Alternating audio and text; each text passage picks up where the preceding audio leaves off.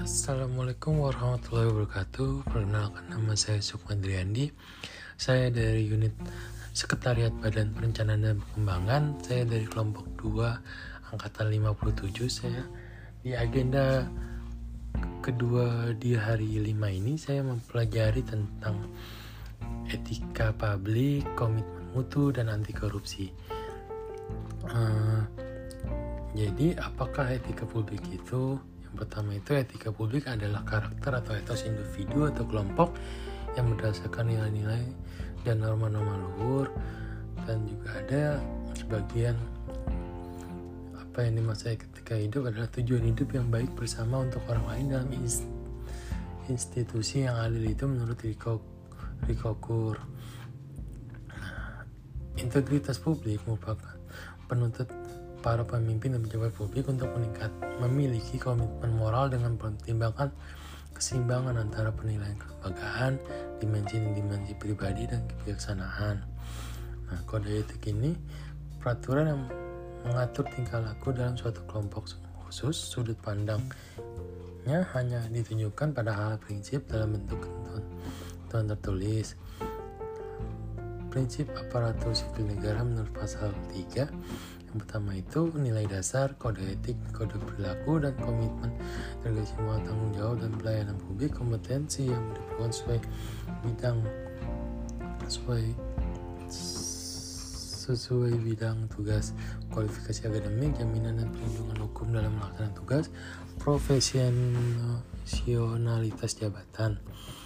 Nah, ini uh, kita masuk ke definisi dan lingkup etika publik pertama itu pelayanan publik yang berkualitas dan relevan. Yang kedua itu sisi dimensi relatif sebagai penimbang dan alat evaluasi. Modalitas etika jembatan antara norma moral dan tindakan faktual pelayanan publik fokus utama mereka. Dimensi etika publik itu yang pertama itu dimensi kualitas pelayanan publik, dimensi tindakan publik, dimensi modalitas dimensi modalitas itu ada tiga yang pertama itu akuntabel transparan dan netral uh, selanjutnya uh, tuntutan etika publik dan kompetisi tanpa kompetensi etika, pejabat cenderung menjadi tidak peka, tidak peduli, dan diskriminatif, terutama pada masyarakat kalangan bawah. Dan selanjutnya ini saya akan menjelaskan tentang komitmen mutu. Komitmen mutu itu, komitmen mutu itu adalah uh, ada empat faktor yang pertama itu efektivitas, efisien, inovasi dan mutu. Dan terus uh,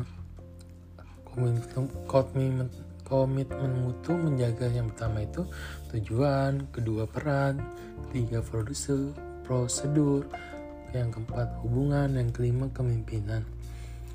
Alat pemastian mutu pelanggan, ketarikan birokrasi yang pertama itu kasus korupsi, rutinitas pelayanan yang kurang baik, ketidakpuasan mutu pelayanan aparatur dan cara persana. Nilai-nilai dasar orientasi mutu adalah komitmen pada kepuasan customer. Kedua, cepat, tepat, ramah. Ketiga, melayani dengan hati. Keempat, melindungi dan mengayomi. Perbaik dan kelima, perbaikan kelanjutan. Peningkatan produktivitas itu dari in, dari input proses dan ke output. Nah, selanjutnya ada faktor-faktor yang mempengaruhi capaian produk dan jasa dan nilai-nilai dasar orientasi mutu itu manajemen mutu terpadu terdiri atas kegiatan perbaikan berkelanjutan yang melibatkan setiap orang dalam organisasi melalui usaha yang terintegrasi secara total untuk meningkatkan kinerja. 5 pilar TKM yang pertama itu organisasi, produk, pemimpin, proses, dan komitmen.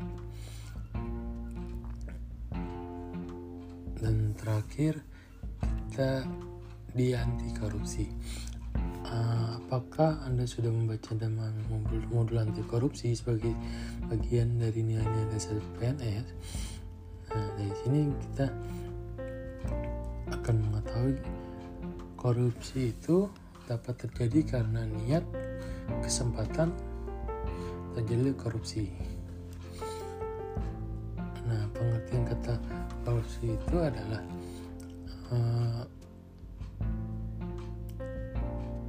buruk atau rusak, suka menerima uang sogok, menyelewengkan uang atau barang milik perusahaan atau negara, menerima uang dengan menggunakan jabatan untuk kepentingannya pribadi.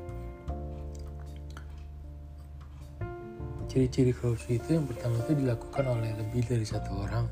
Kedua, merahasiakan motif ada keuntungan yang untuk diraih berhubungan dengan kekuasaan dan keuangan kewenangan tertentu melindungi di balik hukum, melanggar kaidah kejujuran dan norma hukum, mengkhianati kepercayaan. Penyebab korupsi itu yang pertama penegak hukum tidak konsisten, kedua penyalahgunaan kekuasaan atau kewenangan, yang ketiga langkahnya langkahnya lingkungan yang anti korup, yang keempat rendahnya pendapatan penyelenggara negara, yang kelima kemiskinan atau keserakahan, yang keenam keuntungan korupsi, kerugian ditangkap, ketujuh pemberian imbalan jasa, gagal pendidikan agama dan etika. Uh, sekian yang saya dapat dari pembelajaran agenda dua hari kelima ini tentang yang pertama itu etika publik, yang kedua komitmen mutu dan terakhir itu anti korupsi. Sekian dan dari saya dan terima kasih. Wassalamualaikum warahmatullahi wabarakatuh.